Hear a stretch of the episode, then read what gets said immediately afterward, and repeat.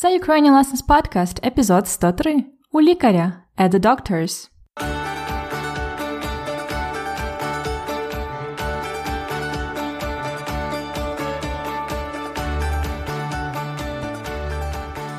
Добрий день! Мене звати Анна. Я ваша вчителька української, і ви слухаєте мій подкаст Уроки української.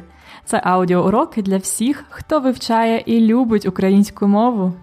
Це епізод 103 третього сезону. Ми продовжуємо слухати історії про Христину, американку українського походження, що зараз мешкає в Україні. На жаль, з минулих двох розмов ми дізналися, що Христина захворіла. У неї боліла голова, їй було погано, тому вона записалась у приватну клініку на обстеження до терапевта. Сьогодні ви матимете можливість послухати розмову Христини з лікарем. Це може бути для вас корисно, якщо раптом ви потрапите в лікарню в Україні. Хоча я сподіваюся, що це ніколи не станеться. Ну, про всяк випадок. Тож запрошую вас послухати ще один епізод подкасту, щоб вивчити нові українські слова, дізнатися більше про прислівники, дієслова і українську культуру. Починаємо! So, you're listening to the Ukrainian Lessons podcast, the lessons for everyone who learns and loves Ukrainian. In the today's episode, we will continue to follow the story of Christina, an American girl of Ukrainian descent who lives in Ukraine now. Last time on the podcast, вона записалась у приватну клініку на обстеження до терапевта. She signed up for the therapist examination at the private clinic. Today you will listen to the Christina's conversation with, with the doctor. Perhaps it could be useful for you if once you would have to go to the hospital in Ukraine. I hope this will never happen, but про всяк випадок, just in case. In the grammar section today you will be able to learn more about прислівники, adverbs. And in the cultural fact we will talk about so common in Ukraine епідемія грипу, flu epidemic. Починаймо! Отже, якщо ви слухали минулі два епізоди подкасту, то ви знаєте, що Христина захворіла. Вона застудилась, у неї застуда. Застуда це cold, застуда. Але звичайна застуда може перерости у серйознішу проблему у грип. Грип це a flu, грип. Є такі симптоми грипу: це висока температура, high temperature, which is more than 38 degrees centigrade, висока температура, головний біль, headache, головний біль, біль у м'язах, muscle ache, біль у м'язах, запалене горло, inflamed or sore throat, запалене горло. In general, запалення, inflammation, запалення, кашель, cough, кашель, кашляти, to cough, кашляти, нежить, running nose, нежить. Так, такі неприємні симптоми. Зараз ви послухаєте розмову Христини в кабінеті у лікаря-терапевта. Коли будете слухати, знайдіть відповідь на запитання. Чому, на думку лікаря, Христина захворіла? Чому? Why, на думку лікаря, on the doctor's opinion, Христина захворіла? Чому, на думку лікаря, Христина захворіла? Слухайте. Крістін Собко. Так, Заходьте, будь ласка. Добрий день, Крістін. Ви до нас здалека? я з Америки, але зараз я живу в Києві, тому я Христина. Чудово. Христина, що вас турбує? Я застудилась. У мене болить голова і горло, трохи кашляю і дуже сильний нежить. Поміряйте температуру, будь ласка. Ввечері яка була температура? 38,5. Е, я випила таблетку ібупрофену. Добре. Відкрийте, будь ласка, рот, я огляну ваше горло. А Запалення. Ви якось лікуєтесь? М, п'ю багато чаю. Чай це добре. Ви живете з кимось? Так, ми живемо вдвох з сусідкою. Це вона готує мені чай. Вам пощастило. О, я знаю. Дивіться, Христино, я перевірив ваші аналізи, діагноз, грип. Це погано? Це нормально. Зараз фактично починається епідемія. У Києві втричі більше від норми хворих грипом. В половині шкіл міста вже оголошено карантин. Правда? У моїй школі ще не оголосили. А, то ви працюєте в школі? Так, я викладаю англійську. А, ну тоді зрозуміло, чому ви захворіли. В школах діти швидко передають вірус. Взагалі, на майбутнє я б радив робити вам щеплення. Так, знаю, я просто забула зробити. Значить так, по-перше, ось ваш лікарняний лист для роботи, поки що на 7 днів. По-друге, ось ваш рецепт на ліки. Приймайте ці таблетки двічі на день після їди. Ось ці таблетки будете розділяти надвоє і приймати по пів таблетки тричі на день під час їди. Також раджу вам взяти ось ці вітаміни. А якщо буде висока температура, приймайте ось ці таблетки. Якщо температура буде підніматись вище за 39, терміново телефонуйте у швидку. Добре? Ой, добре, дякую. Наступного тижня прийдете до мене вдруге на повторний огляд. Потрібно переконатися, що грип не дасть ускладнення на горло, легені. Добре, обов'язково прийду. Цей рецепт покажіть в аптеці, а картку залиште в реєстратурі. Угу. Дякую вам, Михайло Борисовичу. До побачення. Одужуйте, Христино, на все добре. То чому, на думку лікаря, Христина захворіла? Знаєте відповідь? А тому, що Христина працює у школі, а там діти швидко передають вірус. Швидко передають вірус. Quickly pass the virus передають вірус. Крім того, Христина забула зробити щеплення від грипу. She forgot to do her flu vaccination. Щеплення або вакцинація від грипу. Тому вона і захворіла. А зараз я перекажу вам діалог ще раз і поясню деякі нові слова. Добре? Готові? Почнімо. На початку ви могли чути голос медсестри. Знайомий вам голос. Медсестра a medical sister, literally or simply a nurse. Медсестра. Вона запросила Христину в кабінет до лікаря. Лікар запитав у Христини, що вас турбує? What is bothering you? Турбує. Що вас турбує? Христина розповіла про свої симптоми. І тоді лікар оглянув її горло. Оглянути, оглядати, to check, to examine. Оглянути. Він оглянув її горло і сказав запалення, inflammation, запалення. Далі Михайло Борисович, е, тобто лікар, запитав: Ви якось лікуєтесь? Лікуватися. Лікувати is to treat. Лікуватися to treat yourself or to be treated. Лікуватися. Ви якось лікуєтесь?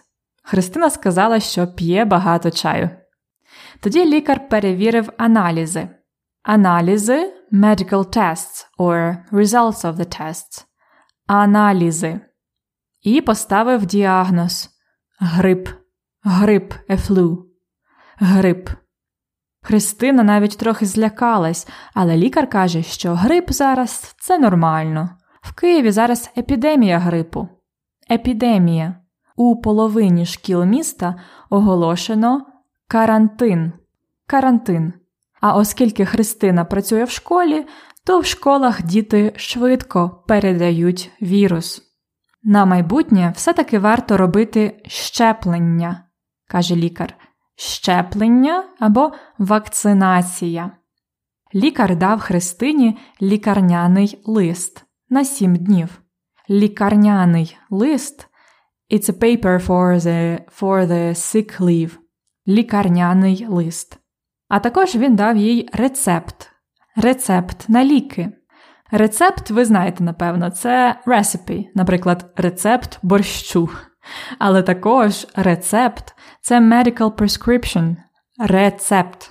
Запам'ятайте рецепт на ліки. Рецепт на ліки треба буде показати в аптеці. Аптека a pharmacy. Аптека. Михайло Борисович прописав в рецепті таблетки і вітаміни. Одні таблетки треба пити двічі на день після їди. Two times a day after food. Після їди. А інші тричі на день під час їди. Three times a day during eating. Під час їди.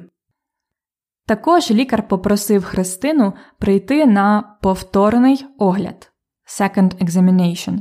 Повторний огляд, щоб переконатися, що грип не дасть ускладнення complications.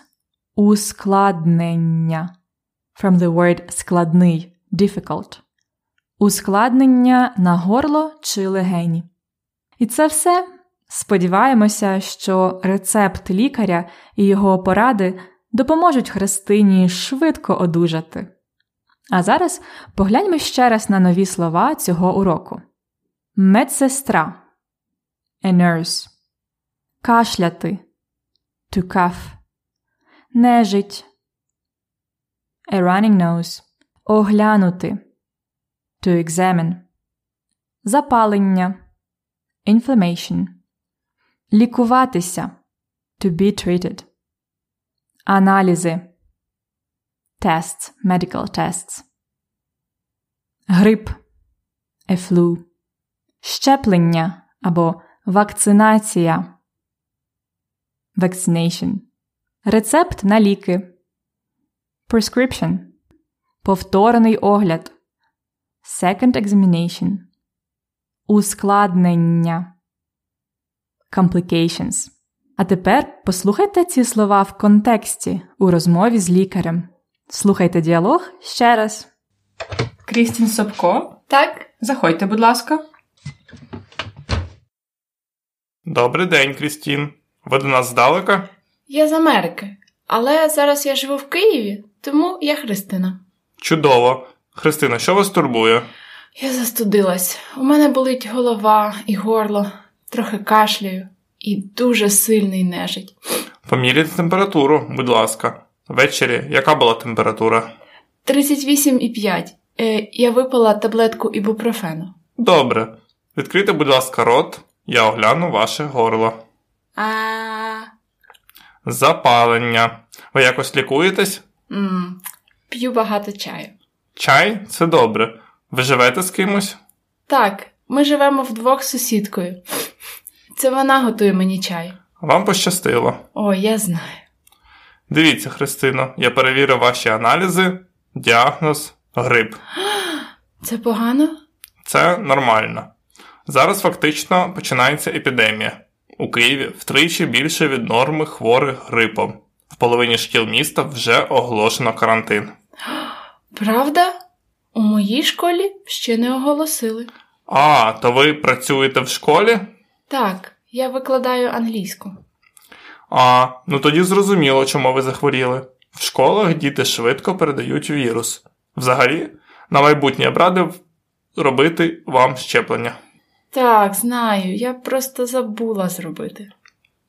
Значить так, по-перше, ось ваш лікарняний лист для роботи, поки що на 7 днів. По-друге, ось ваш рецепт на ліки. Приймайте ці таблетки двічі на день після їди. Ось ці таблетки будуть розділяти надвоє і приймати по пів таблетки тричі на день під час їди. Також раджу вам взяти ось ці вітаміни. А якщо буде висока температура, приймайте ось ці таблетки. Якщо температура буде підніматись вище за 39, терміново телефонуйте у швидку. Добре? Ой, добре, дякую. Наступного тижня прийдете до мене вдруге на повторний огляд. Потрібно переконатися, що грип не дасть ускладнення на горло, легені. Добре, обов'язково прийду. Цей рецепт покажіть в аптеці, а картку залиште в реєстратурі. Угу. Дякую вам, Михайло Борисовичу. До побачення. Одужуйте, Христино, на все добре. So, how was it now? Просто? Складно? I hope you will never get to see the doctor because you're sick in Ukraine. But if one day you will, you are ready for a conversation in Ukrainian. Ви готові до прийому у лікаря. And now let me tell you more about uh, some adverbs. These adverbs derive from the numerals, and uh, they are very useful. At first, listen to one part of the conversation and try to find those adverbs that sound like they could come from the numbers. Значить так. По-перше, ось ваш лікарняний лист для роботи, поки що на 7 днів. По-друге, ось ваш рецепт на ліки. Приймайте ці таблетки двічі на день після їди. Ось ці таблетки будете розділяти надвоє і приймати по пів таблетки тричі на день під час їди. Here the doctor is giving his advice. He says, по-перше, ось ваш лікарняний лист. First of all, here is your sick leave. По-друге, ось ваш рецепт. Secondly, here is your prescription. По-перше, по-друге. These are great introductory adverbs that we use to order our thoughts, both in oral and written language. По-перше, по-друге, по-третє, по-четверте, по-п'яте і так далі. This is по, hyphen, and the ordinal number in neuter. По-перше, друге, третє. Then the doctor also says, приймайте ці таблетки двічі на день. Take these pills twice a day. Двічі або два рази means twice, two times. Двічі на день twice a day. Also, there is тричі and no more. Then the doctor says, ось ці таблетки будете розділяти на двоє і приймати по пів таблетки тричі на день. These pills should be divided into halves на двоє, into, на двоє. І приймати ці таблетки тричі на день. And take these pills three times a day. Розділяти на двоє in two, in two parts. The same на троє in three parts. І на четверо in four parts. Now listen to another part of the dialogue. Ви живете з кимось? Так, ми живемо вдвох з сусідкою. Ви живете з кимось? Do you live with someone?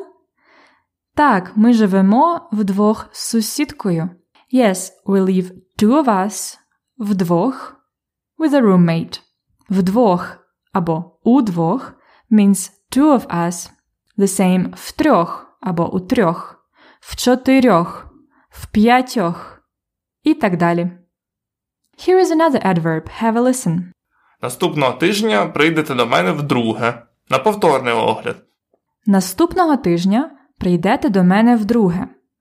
Next week you should come to me for the second time. Вдруге. В plus an ordinal number in neuter again. Вдруге або удруге. For the second time. Так само втретє for the third time. В-четверте. В-п'яте. І так далі. And now the last piece of the conversation. Зараз фактично починається епідемія. У Києві втричі більше від норми хворих грипом. У Києві втричі більше від норми хворих грипом. In Kyiv, there are three times more people having flu than normal. Втричі більше. Втричі comes from тричі that we've discussed before. The same вдвічі comes from двічі. But when двічі і тричі mean just twice and three times, вдвічі and втричі mean twice and three times more by a factor of two or three. Compare. Я вивчаю українські слова двічі на день. Вранці я вивчаю вдвічі більше слів, ніж ввечері. Я вивчаю українські слова двічі на день. I learn Ukrainian words twice a day. Вранці я вивчаю вдвічі більше слів, ніж ввечері. In the morning I learn twice more words than in the evening. Вдвічі більше. As always, find more examples and all those adverbs derived from the numerals in one organized chart in the lesson notes of the today's episode. There are exercises for your practice too.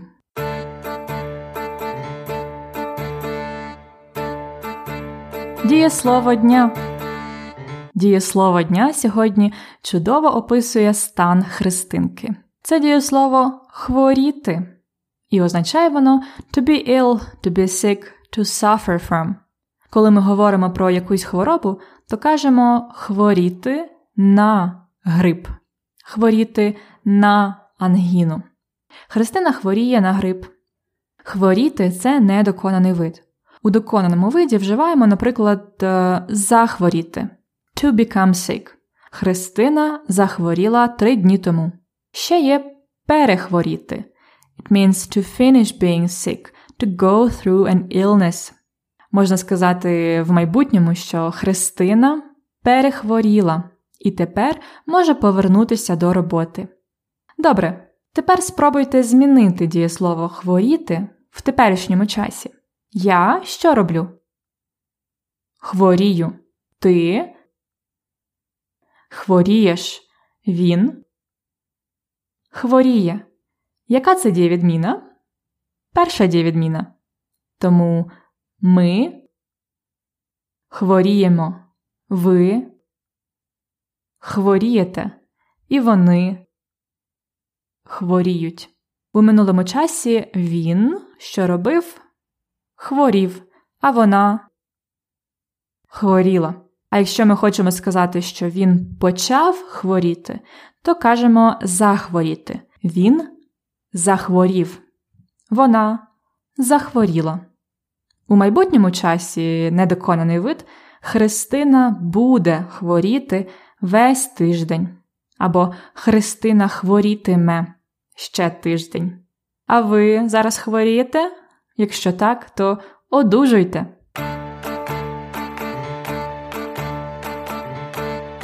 Фразеологізм дня. Сьогоднішній фразеологізм дня це те почуття, коли ви перехворіли, коли ви нарешті одужали. Цей фразеологізм має прислівник, який ми сьогодні вивчили вдруге. Це фразеологізм ніби вдруге на світ народитися. Literally, like to be born to this word for the second time. Ніби вдруге на світ народитися. Ніби вдруге на світ народитися means to feel relief after suffering from something, like a disease or psychological issues. To reborn, to enjoy a new lease on life. З допомогою лікаря Христина почувається набагато краще. Вона ніби вдруге на світ народилась, знову співає, готує, прибирає. With the help of the doctor, Христина was reborn. She is singing again, cooking and cleaning. Я помирилась з Оксаною і ніби вдруге на світ народилась. Я дуже рада, що ми знову друзі. I made peace with Oksana and now I'm so relieved. I'm very happy to be friends with her again.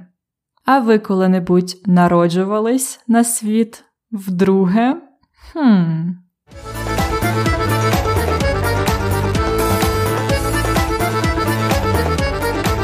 Культурний факт на подкасті.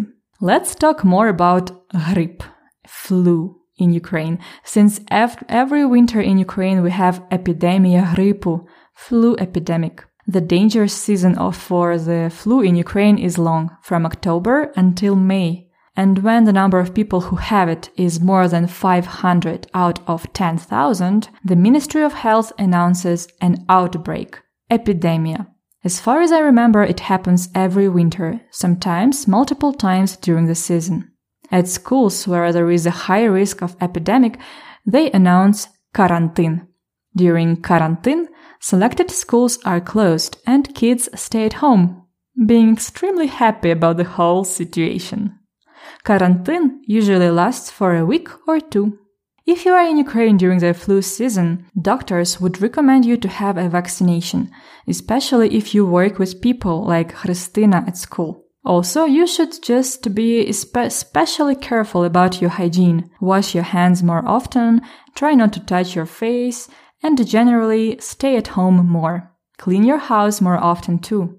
And most importantly, remember the ambulance number in Ukraine. It's 103. 103. Швидка допомога. Ambulance. 103. Будьте здоровими! І на цьому закінчується ще один епізод подкасту Уроки української. Маю надію, що наступного тижня Христина вже нарешті одужає, і ми зможемо поговорити на інші веселіші теми, наприклад, про здоров'я, а не про хвороби. As always, refer to the lesson notes to find the transcript and translation of the today's conversation, the table of those numeral-like adverbs, exercises for your practice, and a vocabulary list. To receive the lesson notes weekly, become our lesson notes special premium member. Find out more about the membership options at ukrainianlessons.com slash episode 103. Just like the ambulance number in Ukraine. 103. До наступного тижня. Будьте здорові! До побачення!